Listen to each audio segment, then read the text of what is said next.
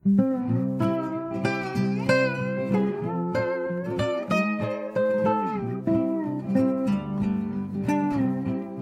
semuanya, selamat pagi, selamat siang, selamat sore, dan selamat malam tergantung kawan-kawan mendengar podcast ini. Selamat datang di podcast Kata Rempah, mendayung semesta, mengarung samudra, rempah berkata. Bersama saya, Noval Karong. Dan bersama saya Aldi Giovanno. Ketemu lagi di episode ke-9, podcast Kata Rempah. Ini kita nggak kerasa sudah episode ke-9 bersama kawan-kawan sekalian yang pada saat ini kehadiran anak muda hebat dari Kalimantan Utara. Sebelum kita memulai podcast ini, ada pantun nih sedikit.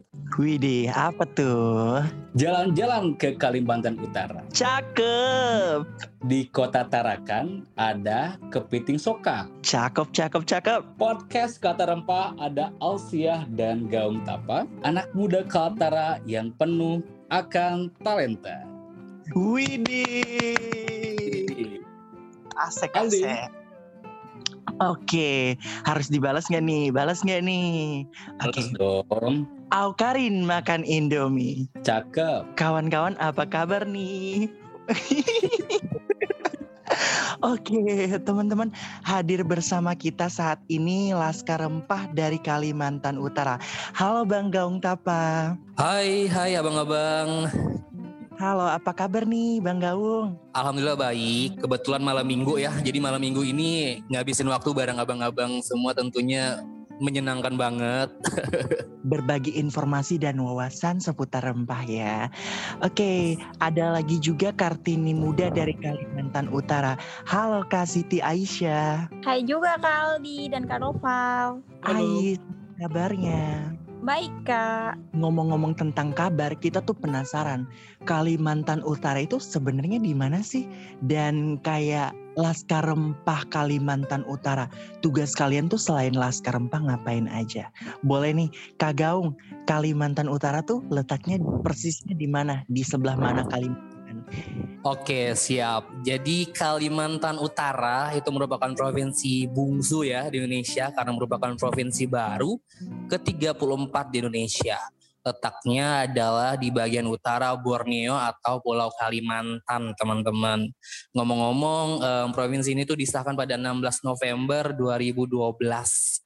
Nah, ngomong-ngomong soal Kalimantan Utara nih, di tahun kemarin ya waktu BI atau Bank Indonesia mengeluarkan uang pecahan Rp75.000 kan sempat viral tuh ya Bang ya. Jadi di uang tersebut ada gambar anak-anak yang menggunakan baju adat dan salah satu anaknya itu terlihat seperti menggunakan baju adat Cina kata netizen-netizen Indonesia. Nah padahal baju tersebut itu adalah baju tidung khas Kalimantan Utara. Jadi sebenarnya em, agak disayangkan sekali, tapi ya itu adalah tugas kita bersama sebagai em, pemuda-pemudi di Kalimantan Utara atau bahkan di seluruh Indonesia untuk lebih memperkenalkan dan melestarikan budaya kita. Salah satunya ya budaya budaya Kalimantan Utara ini gitu, Bang. Oke, jadi sekarang gini nih, eh, tadi udah disampaikan tentang bagaimana sedikit tentang nilai-nilai kebudayaannya. Nah, sebagai fun fact, sebagai fakta uniknya, yang terkenal atau atau yang menjadi ciri khas atau yang menjadi masterpiece dari Kalimantan Utara ini apa sih sebenarnya? Kak Aisyah Oke. gimana Nah. Oke Kak, yang paling terkenal di Kalimantan Utara ini jenis corak batiknya ya, di mana kemarin waktu Presiden Pak Jokowi datang ke Kalimantan Utara itu dipakein yang namanya singal atau ikat kepala dengan corak eh, bultia yaitu gabungan dari bulungan, tidung dan dayak dengan coraknya batik itu yang sangat bermotif sehingga eh, kalau kita bawa keluar daerah dia mencorakan itu bahwasanya dari Kalimantan Utara. Waduh, Aslinya keren banget. Provinsi baru dengan beragam keunikan. Rempah-rempah di Kalimantan Utara itu termasuk ke dalam 10 pulangan barang yang diekspor melalui pelabuhan Kaltara. Selain bahan bakar mineral, tembakau, minyak, kayu, dan juga olahan kayu. Nah, selanjutnya nih, ada pertanyaan menarik untuk Kak Gaung dan juga Kak Ais. Mungkin kita lebih ke Kak Ais dulu kali ya. Rempah-rempah yang ada di Kalimantan Utara tuh ada apa aja sih? Oke Kak Aldi, jadi rempah khas dari Kalimantan Utara itu ada akar bajaka yang sudah viral beberapa tahun yang lalu dan ada juga jahe dayak atau biasa disebut itu jahe merah, ada juga akar kuning. Jadi jahe merah yang kemarin ini sempat viral waktu kita COVID-19 yang akhir 2019 kemarin, dia bisa menyembuhkan uh, virus itu COVID tersebut jika dia direbus dengan air hangat. Nah, untuk akar bajaka sendiri uh, banyak sekali khasiatnya. Yang pertama bisa untuk menurunkan uh, diet bagi mungkin para wanita-wanita Indonesia yang menyukai postur tubuhnya itu dengan ideal. Nah, kemudian untuk akar kuning tersebut ini juga sangat banyak manfaatnya. Yang pertama, meningkatkan daya tahan tubuh, menyembuhkan penyakit emah yang mungkin anak-anak muda sekarang yang sering uh, kena penyakit ma itu ya. Begitu sih kali kalau rempah yang ada di Kalimantan Utara khususnya ada tiga. Oke, menarik sekali. Selanjutnya ada apa nih yang perlu kita kepo-kepo lagi nih Bang Noval? Oke, uh, tadi yang sudah Ais sampaikan ya, uh ini banyak banget ternyata bahwa rempah-rempah di Kalimantan Utara ada jahe merah, akar kuning, bajaka yang banyak sekali khasiatnya. Nah, karena kita sudah di pertengahan acara nih Aldi. Jadi kami akan kembali setelah pariwara berikut ini. Jadi ada iklan dulu nih sebelum kita melanjutkan bincang-bincang kita bersama Siti Alsiah dan Gaum Tapa. Akan ada giveaway dari oleh-oleh dari Borobudur yaitu Borobudur Traditional Drink. Cara mainnya buat story Instagram tentang episode mana pun kata rempah dari episode 1 sampai episode ke-7 hari ini diulas, dikritik atau di apa pun disilahkan dan tag atau tandai akun Laskar Rempah RI dan at Borobudur Traditional Drink dan jangan lupa untuk follow karena memang pengalaman ya bintang karena memang waktu kemarin ada yang sudah mengulas, ada yang udah merepost tapi enggak ngefollow dan itu gugur. Nah, maka hari ini jangan lupa untuk ngefollow dan tag akun Laskar 4 RI dan Borobudur Traditional Tree. Itu bintang. Jadi wajib banget tuh yang ngefollow. Sayang banget kan kalau kita harusnya kepilih tapi gara-gara ngefollow kita jadi nggak dapat tuh giveaway-nya. Betul sekali. Kita kembali lagi di podcast Kata Rempah bersama anak muda dari Kalimantan Utara. Ada Siti Alsiah dan Gaung Tap. Nah, sekarang nih um, ada satu hal yang menarik nih tentang bagaimana kebudayaan dan rempah dari Kalimantan Utara. Yang memang khususnya tentang seni budaya. Karena memang seni budaya ini kan tiap daerah punya ciri khas masing asing ya. Kalau aku dari dari Jawa Barat, ini banyak banget kebudayaan-kebudayaan Jawa Barat. Ada kuda lumping, ada tari-tari dan lain sebagainya. Nah, sekarang hmm. biar kita lebih menambah wawasan pendengar pada podcast episode ini berkaitan dengan seni budaya, suku dan demografis. Contoh kesenian yang menjadi kebanggaan dari Provinsi Kalimantan Utara ini apa sih? Oke Kak Noval, jadi khususnya di Kalimantan Utara itu ada Japin ya, ada Japin tradisional dan Japin modern yang sudah kolaborasi dengan tarian Dayak atau Tidung atau Bulungan.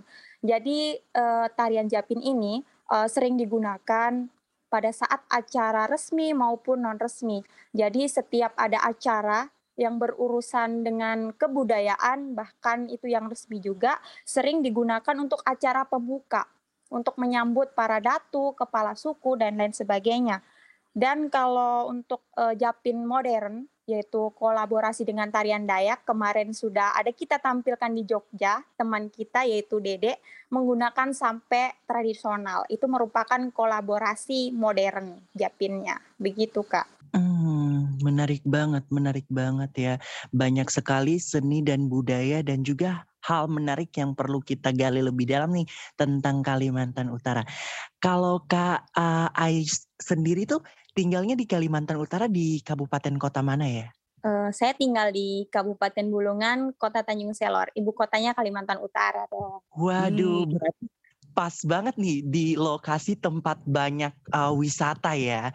Boleh dong cerita sedikit kalau misalnya kita sempat ke Kalimantan Utara nih atau yang bingung liburan pengen ke mana, Kalimantan Utara punya tawaran apa aja nih? Oke, kalau di sebenarnya Kalimantan Utara itu uh, kalau dilihat dari luar itu seperti hutan semua ya. Tetapi hmm. kami kami ini adalah paru-parunya dunia.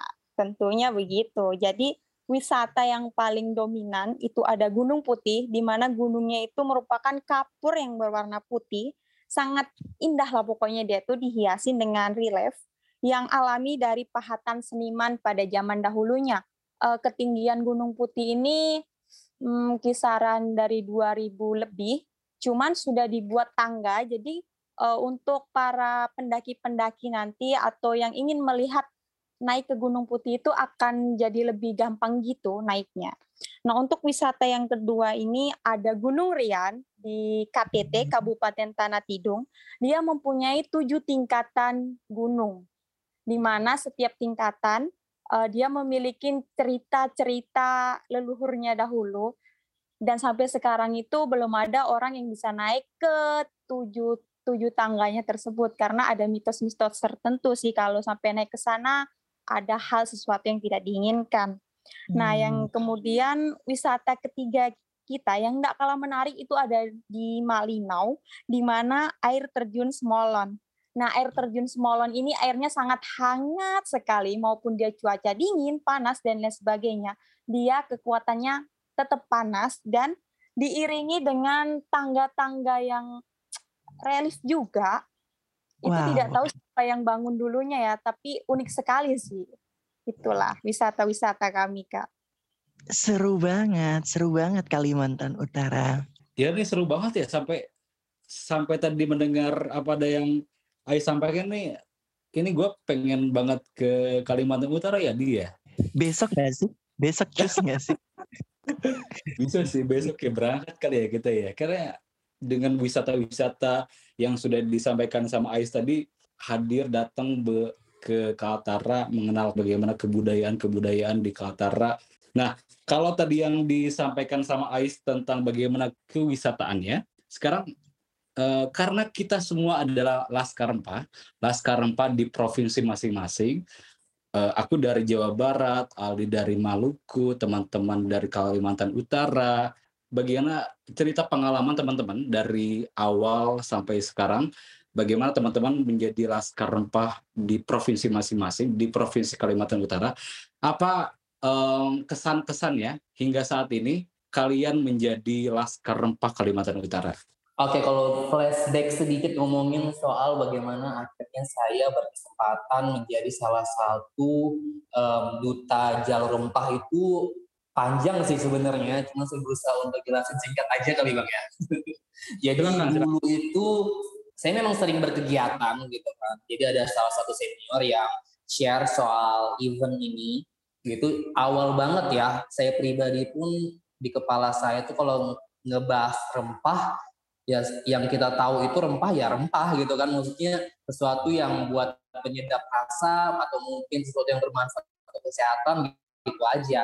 Dan dari kegiatan ini bahkan saya pribadi pun belajar bahwa ternyata rempah ini gak sekedar rempah doang gitu. Banyak value-nya sendiri apalagi kalau kita berbicara soal jalur rempah yang berhubungan sama bagaimana Indonesia itu um, rajutan budaya terbentuk juga gara-gara jalur rempah. Jadi ini kegiatan yang luar biasa sih dan seleksi di Kalimantan Utara itu juga cukup ketat ya Aisyah. Dalam artian kita ada beberapa teman-teman dari berbagai daerah di Kalimantan Utara sama-sama ikut tes. Kalau tesnya itu sendiri kemarin karena pandemi ya jadi agak um, nggak nggak offline jadi online nah itu ada tantangan tersendiri juga gitu kan banyak um, banyak struggle struggle lagi gitu kan jaringan lain sebagainya gitu. Sempat pesimis karena ngelihat teman-teman yang daftar di provinsi saya juga punya value yang luar biasa masing-masing punya um, banyak background yang keren-keren juga gitu. Tapi alhamdulillah terpilih seneng lah sama lima teman lainnya gitu.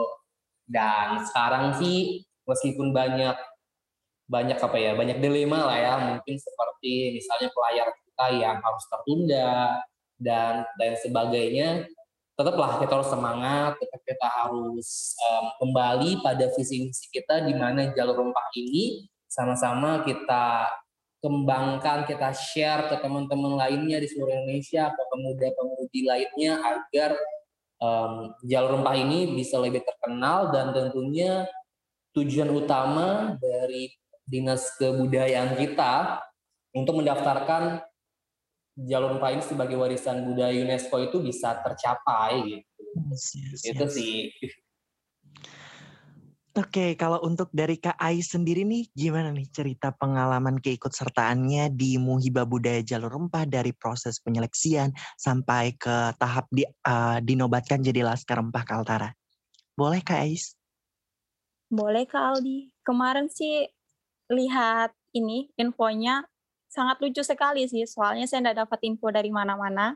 Yang pertama oh, saya itu nyekrol di TikTok, kemudian ada FYP tentang uh, video yang menunjukkan kalau kalian mau jalan-jalan ke luar eh, keluar provinsi Indonesia seluruh gitu, ada nih jalan-jalan gratis, ikutin ikutin cara tersebut gitu. Akhirnya di situ disepil link Muhibah Budaya dan Jalur Rempah. Akhirnya saya save video tersebut, saya cari di web, kemudian saya nanya ke teman-teman tempat nari gitu kan. E, mereka nanya, ini kayaknya ada kegiatan dari Kemendikbud gitu. Akhirnya kami cari info lebih mendalam-mendalam dan ada link untuk pendaftaran, persyaratan segala macam. Akhirnya saya daftar. Sudah daftar, eh, keesokan beberapa minggu gitu ada kami dimasukin dalam grup yang ya lumayan banyak kemarin pesertanya seleksinya juga lumayan lumayan ketat sekali mm, dan tidak yakin juga kalau bakal apa nih bakal menjadi dutanya gitu tetapi kita melewatin pertahap pertahap waktu seleksi interview kemarin sungguh melelahkan, boleh ditanya Bang Gong sendiri. Jadi kami start dari jam 7 pagi hingga jam 10 malam kami disuruh join di di Zoom, disuruh nunggu, nggak boleh ke mana-mana. Dan kemarin itu saya kebagian sekitar jam 2 siang, nggak tahu kalau Bang Gaung kayaknya malam hari deh beliau. Jadi kami malam itu, kayaknya. Sungguh pokoknya seleksinya tuh sangat ketat sekali sih kemarin ada video kami disuruh video berenang, itu video berenang kami kemarin juga eh, nggak boleh no nggak boleh editan sama sekali. Jadi video asli selama berenang dua menit begitu. Dan akhirnya uh, akhirnya juga pengumuman kami resmi dinobatkan jadi mu, jadi dutanya delegasi dari Kalimantan Utara sangat bersyukur sekali sih. Soalnya perempuan kemarin banyak sekali dari Kalimantan Utara itu yang mau daftar. Gitu Kak Aldi. Menarik sekali ya perjalanan yang bukan sebentar, benar-benar butuh effort untuk jadi laskar rempah di Kalimantan Utara. Waduh, nah selanjutnya teman-teman perlu tahu juga nih, kan kalau misalnya kita ngomongin tentang rempah-rempah, kita sebagai delegasi dari provinsi masing-masing, nggak terlepas dari pengetahuan kita tentang sejarah di provinsi kita masing-masing. Mungkin boleh diceritakan sedikit nih Kak Ais, kalau dari Kalimantan Utara sendiri, walaupun sebagai provinsi yang baru, apakah sejarahnya tuh uh, benar-benar uh, banyak dan percampurannya tuh dari mana-mana aja nih? Adopsi budayanya? Kalau untuk budayanya, kami awalnya adalah Dayak asli, kemudian pecah hmm. menjadi Dayak Muslim itu ada Tidung dan Bulungan. Kemudian untuk budaya budaya-budaya dari luar itu ada banyak sekali, ada Banjar, ada Bugis, mayoritas banyak juga Jawa di sini, transmigrasi. Iya. Kemudian yeah. seluruh Indonesia kayaknya ada di sini deh kak. Oke. Okay. Oke, okay, berarti ini harus kita banggakan selaku anak muda untuk terus merawat sejarah. Kalau bahasa Soekarno itu jas merah ya. Jangan sekali-kali merupakan sejarah. Jadi sejarah ini penting karena iya iya iya. Karena memang hadirnya kita itu karena ada masa lalu yang sangat amat berharga itu. Nah, ini sepertinya ada satu hal yang terlewat nih, Aldi, tentang bagaimana mitos dari Kalimantan Utara. Nah. Mitos setempat di Kalimantan Utara, baik itu di Bulungan, di Tanjung Selor, di tempat-tempat yang menjadi ciri khas Kalimantan Utara ini apa sih? Atau ur urban legendnya itu ini seperti apa sih agar uh, teman-teman yang mendengarkan podcast ini bisa mengetahui tentang mitos atau fakta yang ada di Kalimantan Utara. Oke kan Noval, jadi untuk mitos yang ada di Kalimantan Utara ini ya ada yang namanya kepuhunan. Jadi kepuhunan itu nanti kalau Kak Noval atau Kak Aldi berjalan-jalan Kalimantan Utara nih, kalau kalian disuguhin atau ditawarin yang namanya kopi, teh atau nasi goreng atau makanan apa pun tapi lebih tepatnya kopi, teh dan nasi goreng, kalian wajib yang namanya ngelamit atau mencicipi sedikit saja. Tetapi kalau kalian tidak mencicipi makanan tersebut yang telah ditawarin, akan ada terjadi sesuatu hal yang tidak diinginkan, entah itu jatuh dan lain sebagainya. Ini mitos bisa dipercaya atau bisa juga tidak, karena dulunya uh, saya nggak percaya sih apa sih itu saya bilang begitu tetapi waktu itu saya berjalan ke rumah teman dibikinin teh saya nggak minum karena waktu itu kenyang gitu kan akhirnya saya pulang uh, Gensi juga enam minum itu pulang gitu.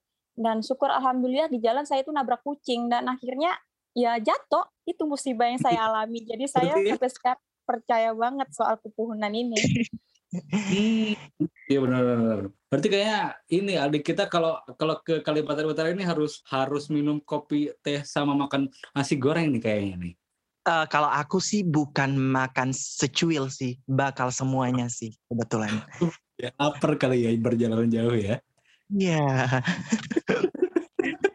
nah, banyak banget ya yang udah kita bahas mulai dari bajaka dan juga teman-teman rempahnya, terus gimana motif-motif batik dari Kalimantan Utara, tempat wisatanya. Nah, kalau dari segi tugas dan tanggung jawab sebagai Laskar Rempah Kalimantan Utara nih, promosi atau hal apa sih yang dilakukan dari Laskar Rempah Kalimantan Utara ini sendiri untuk program Muhibah Budaya Jalur Rempah ini sih? Mungkin Kak Gaung dulu kali ya. Kag kalau menurut Kak Gaung tuh gimana uh, prospek ke depannya Laskar Rempah nih ngapain sih untuk Kalimantan Utara dan Indonesia? Oke, baik Bang. Jadi kalau misalnya berbicara soal tanggung jawab akan kerja tersebut, um, tentunya kita bekerja sama sesama delegasi di Kalimantan Utara atau juga kita bekerja secara personal nih. Nah, jadi kalau misalnya yang kerja sama itu kita mulai dari Instagram, um, sosial-sosial medianya aja dulu, gitu sambil kita kerja sama di mana misalnya ada tawaran-tawaran untuk misalnya uh, nampil di radio atau di televisi, televisi lokal gitu, kita bisa sharing soal um, jalur rempah ini, soal program kita gitu. Kemudian tujuannya jalur rempah ini bakal seperti apa di masa depan. Nah, itu. Jadi kegiatannya kalau di Kalimantan Utara sendiri sih dari segi promosi juga, kemudian kalau saya personal karena aktif di kegiatan masyarakat um, contohnya kayak kemarin ngajar anak-anak gitu kan tiap rutin itu saya lakukan seminggu sekali gitu di desa-desa tertentu di tempat-tempat uh, terpencil kita sharing soal rempah kita jelasin soal rempah itu nggak sebatas bumbu doang loh gitu. Rempah itu nggak sebatas buah dari pohon doang loh gitu. Manfaatnya hmm. banyak gitu kan. Storynya juga value-nya juga. Nah itu kita jelasin ke anak-anak gitu. Gitu sih bang. Banyak lagi sebenarnya.